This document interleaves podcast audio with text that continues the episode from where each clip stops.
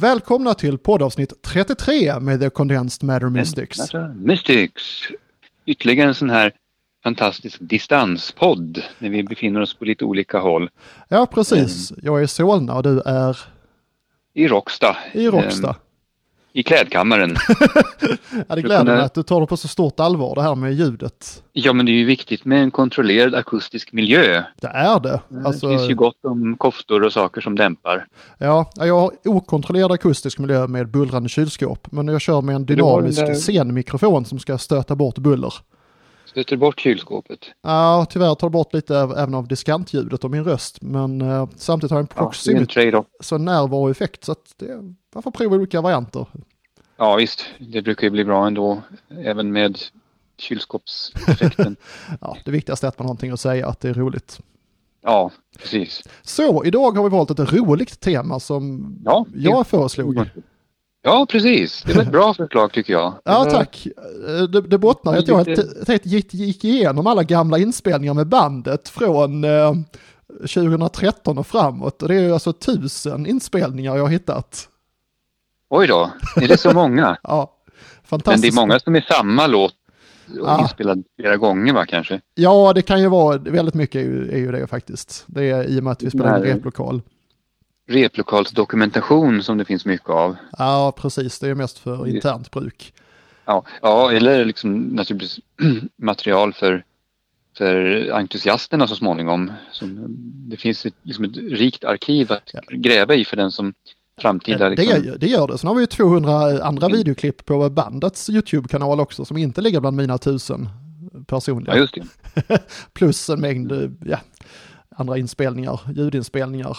Nej, det har vi förresten inte så många av. Inte av bandet. Det är mest video faktiskt. Ja, ja, men det räcker ju bra det också. Det är liksom material, finns ju material så det blir över åt Condensed Matter Mystics-forskningen. Ja, jag tog lite av arkivet nu och la upp på Instagram-tv-fliken på Instagram. Det så är man så, fick lite, det var ju väldigt fint tycker jag. ja, lite det- intervjuer, intervjuer dig om basspelet och du berättar om Australien-temat. Ja, men det är väldigt trevligt att det blir liksom li- lite tillbakablickar Mm.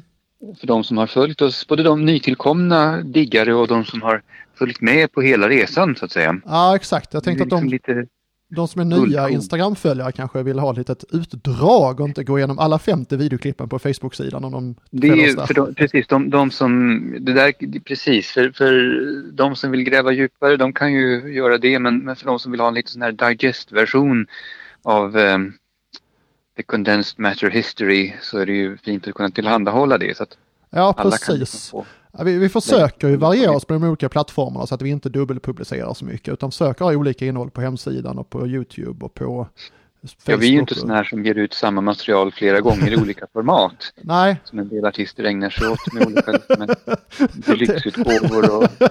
men du, tänker du på någon speciell artist som medgav att musikvideon var för, att sälja in CD-skivan eller uh, stingen eller det var inte det du tänkte på? Nej, jag vet inte. Det är ganska vanligt nu för tiden att det...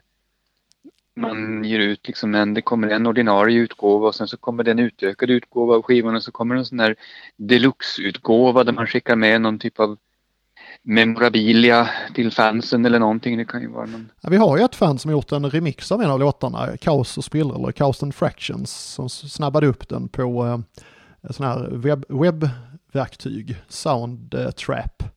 Så vi la Ja, vi la upp vår låt fler, flerkanaligt så han kunde mixa lite i webbläsaren, det var kul. Ja, just det. Det kan ju bli en B-sida eller någonting sån här. Det är ju också något som förekommer att man gör så kallade remixar och lägger ut som B-sidor på, på singlarna. Ja, Mm. precis. Men sen har vi även en historia själva bakåt i bandet. Du har ju sagt att du har spelat lite i olika sammanhang och skrivit låtar tidigare till exempel. Jo, det har jag ju gjort. Alltså det, det är ju, ligger ju flera år tillbaka eh, om man ska liksom blicka lite retrospektivt. Jag brukade, jag och en kompis brukade hålla på väldigt mycket under en period. Eh, det var jag och eh, min gode vän Peter som brukade hålla på eh, och spela musik tillsammans under ett antal år.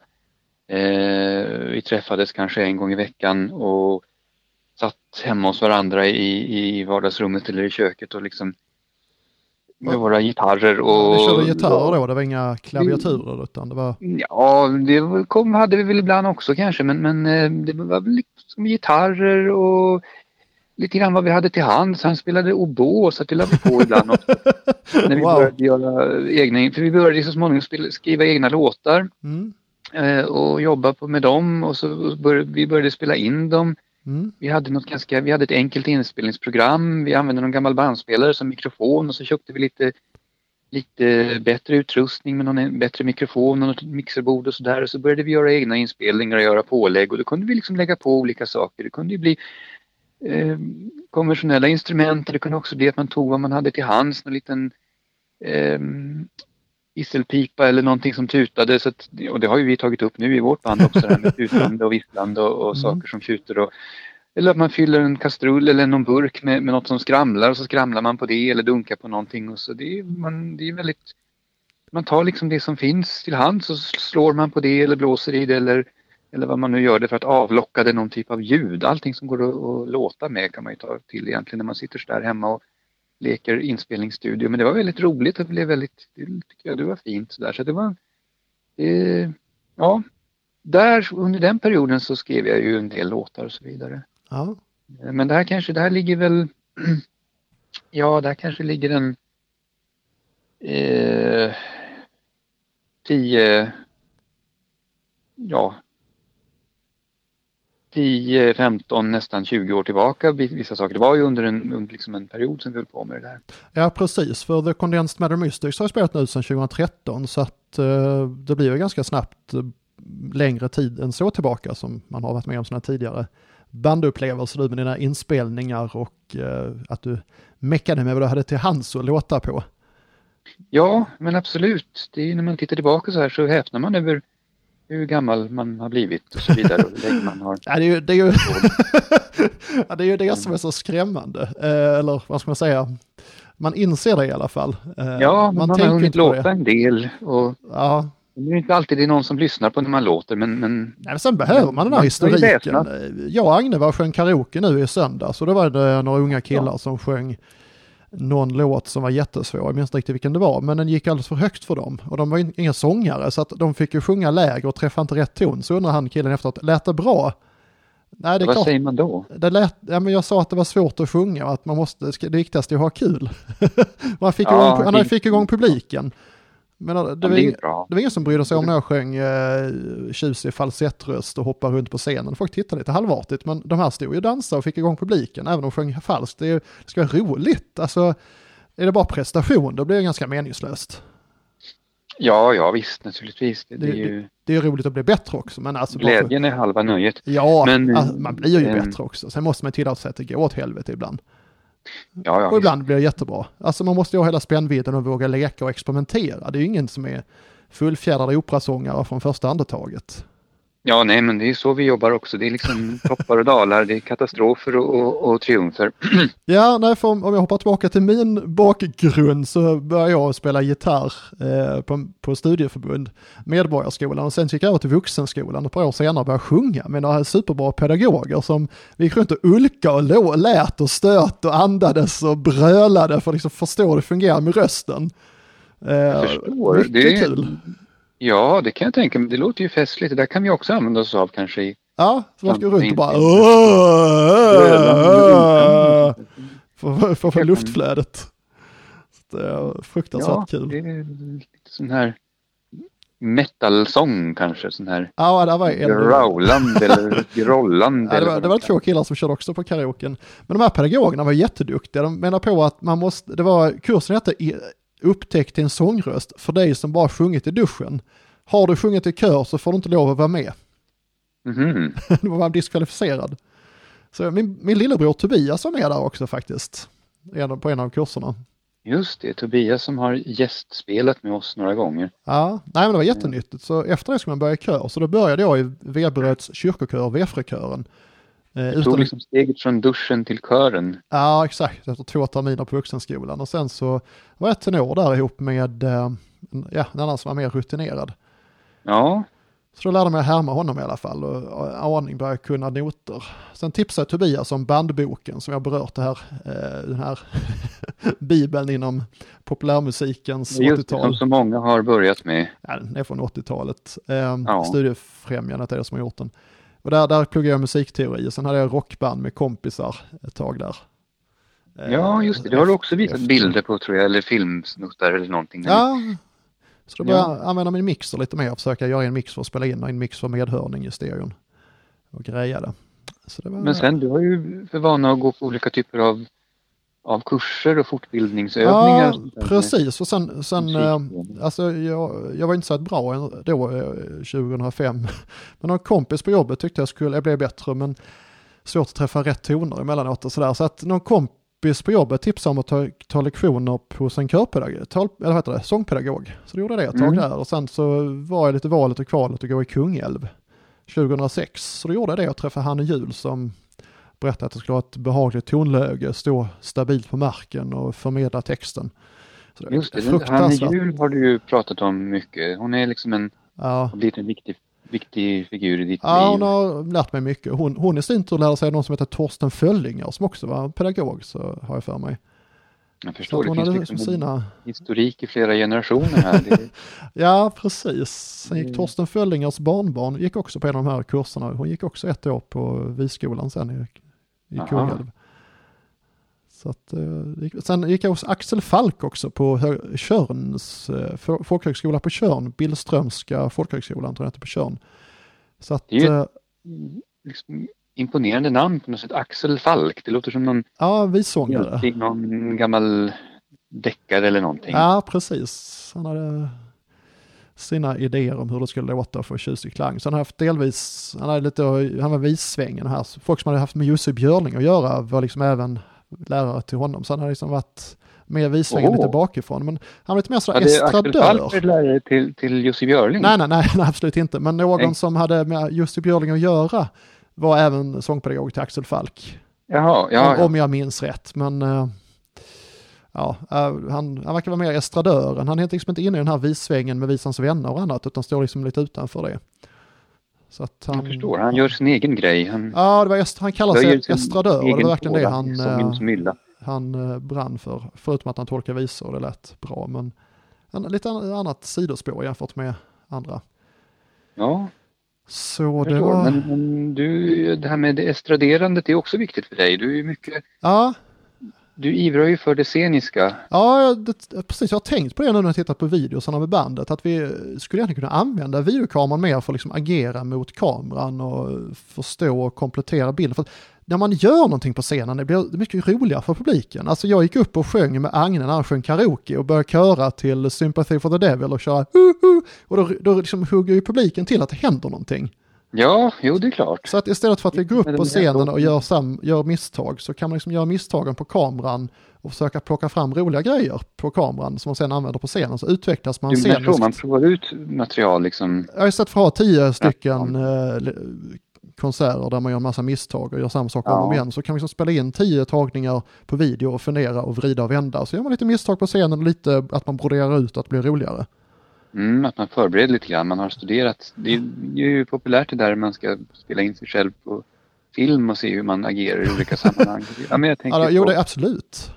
Det, det, är lärare och liknande som ska spela in sig själva eller sådär. Ja, det är så lätt idag. Det är så jätte, jättebra sätt att utveckla sig på. Alltså det är gratis ja. jämfört med att tråka ut en publik så kan man köra på kameran lite grann. Sen, sen är det en annan sak vad för publik mot en kamera. Alltså en, en kamera klappar ju inte, applåderar och sjunger med utan den bara tittar på dig. Ja, just det. Så den är ju inte riktigt... Man kan ju alltid hyra in någon som klappar eller ställa upp lite dockor eller någonting som ja. representera publiken. Eller gå ut på, gå ut på gatan och ja. dra in lite folk som kan... Man kan men sen, den musikaliska är viktigt. Men... Ja, precis. Men du och din kompis, ni funderade aldrig på att uppträda eller något åt det hållet? Nej, det blev ju inte riktigt. Det var, det var ju mest ett hemmaprojekt, alltså mm. så som vi gjorde. Det handlade ju mycket om att spela in musik så, sitta hemma och, och skriva låtar. Vi skrev ju mycket, mest kanske var att vi skrev var en för sig och så skrev vi väl en del tillsammans också.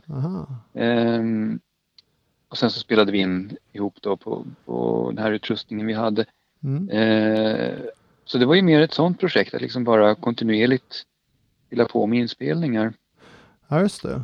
Men vilken genre var det? Musik eller det var bara gitarrkomp ja. och sång? Eller det var... Ja, alltså det var ju någon slags popmusik, gitarrpopmusik det också. Det är väl lite, lite blandat. Det är väl kanske liksom en blandning som inte var helt väsensskild från det vi gör nu. Men, mm. men eh, det är klart att vi kunde ju kanske ta ut svängarna lite mer ibland i och med att vi det var som ett rent studieprojekt så kunde vi ju jobba mera kanske med pålägg och ta in sådana här saker som ja, men obon till exempel eller att man har andra saker som man, man experimenterar lite grann med olika typer av ljudkollage och sånt där gjorde vi väl när vi kände oss mera vildsinta. eh, ja. Det, ja, jo. Det var ju som sagt mera ett studioprojekt helt enkelt. Ja, nej men det, är, det är lärorikt och kul. Det ja, det var väldigt roligt. Det var, det var absolut. Jag tycker det blev bra inspelningar också. Ja, kul. Eh, den enkla utrustningen till trots. Ja, nej men det viktigaste är alltså en bra, ett bra framträdande går igenom utrustningen. Så man kan ja, aldrig alltså, kompensera för ett bra framträdande med fin utrustning. Alltså det, det, den känslan går igenom. Begränsningar kan ju vara stimulerande också. Ja, ja sen är det, så, det är visst det är bra som det är nu att, liksom att alla prylar är så bra och brusfria och det funkar. Så att det har man ju gratis och datorerna är så kraftfulla så man kan liksom lägga på effekter utan att köpa en massa studioprylar. Men eh, ja. eh, det är fortfarande så att du behöver, man behöver uttrycket och känslan och ha, att, ska, att det ska bli någonting så att säga.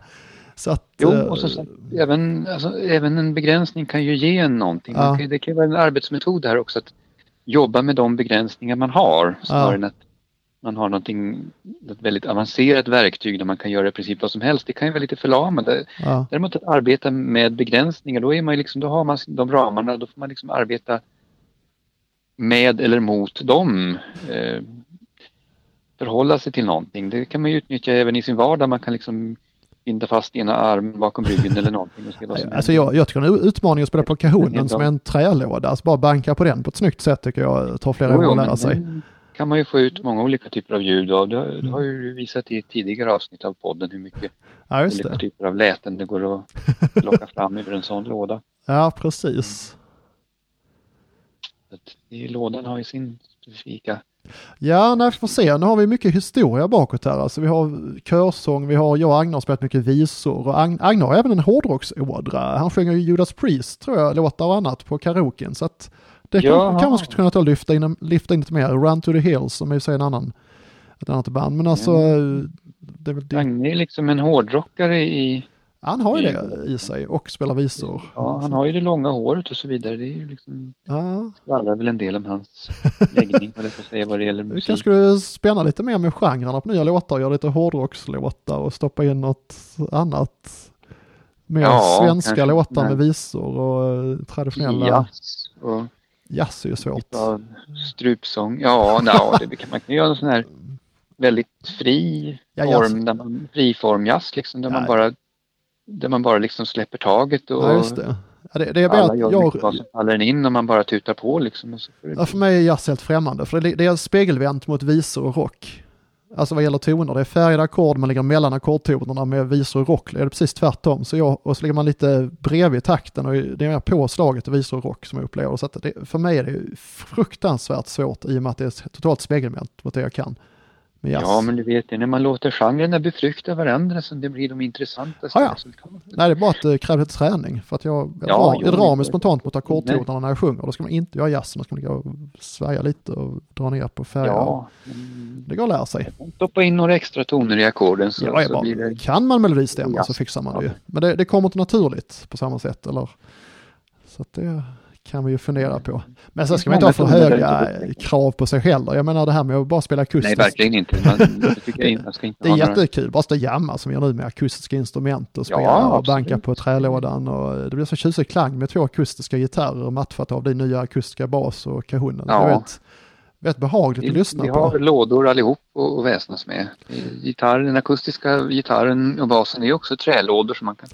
Allting bygger... ja, just det. En, vi, och vi befinner oss liksom utanför lådan. Ja, utanför lådan.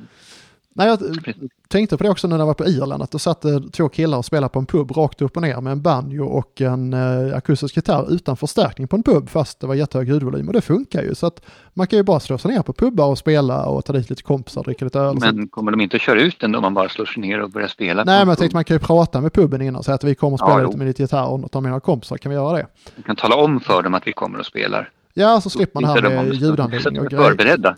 ja, så slipper man det här med ljudanläggning och grejer. Ska man ändå träna lite ute. Ja, jo, det kan alltså, vi göra. Vi kan, vi kan dyka upp på någon pub och tala om att nu kommer vi och sätter oss och spelar här. Ja, det är jag som är ute och fiskar lite här efter höstens planer.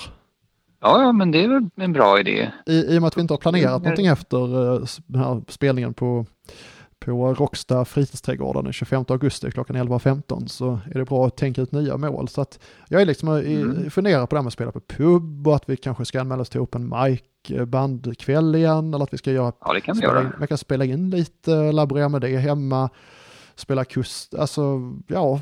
Vi kan ge oss ut på en sån här promenadturné. Ja, just det, kan vi också göra. Mm som Kort Tåg mm. Eh, gör. Liksom, lokalen, under en dag kan vi ge oss ut i. Ja, precis. Trakassera folk ute i skog och mark, på säga, men i parker och andra offentliga miljöer. Precis. Ja, det är full fart. Eh, bra, då har vi kört på här i 15-20 minuter. Ska vi avrunda detta poddavsnittet nu? Så? Ja, det kan vi göra. Eh, nu har vi pratat lite grann om vår egen musikaliska historia, du och jag. Ja. Lite grann, och även berört Agne och hans, mm. hans rötter. Men eh, för den som vill höra mer så kan vi återkomma i nästa veckas avsnitt med ja. lite, kanske lite mer kring bandets musikaliska historia. Ja. Vi rör oss lite framåt i tiden. För det Precis. vet jag att det är många som, som funderar mycket på. Absolut, det blir ett fenomenalt poddämne tycker jag. Ja, men eh, ge er till tåls kära lyssnare en vecka till så, ja. så ska ni få ja. djupdyka i detta. Precis. Adjö kära vänner, vi hörs. Adjö, adjö, vi hörs. Hej.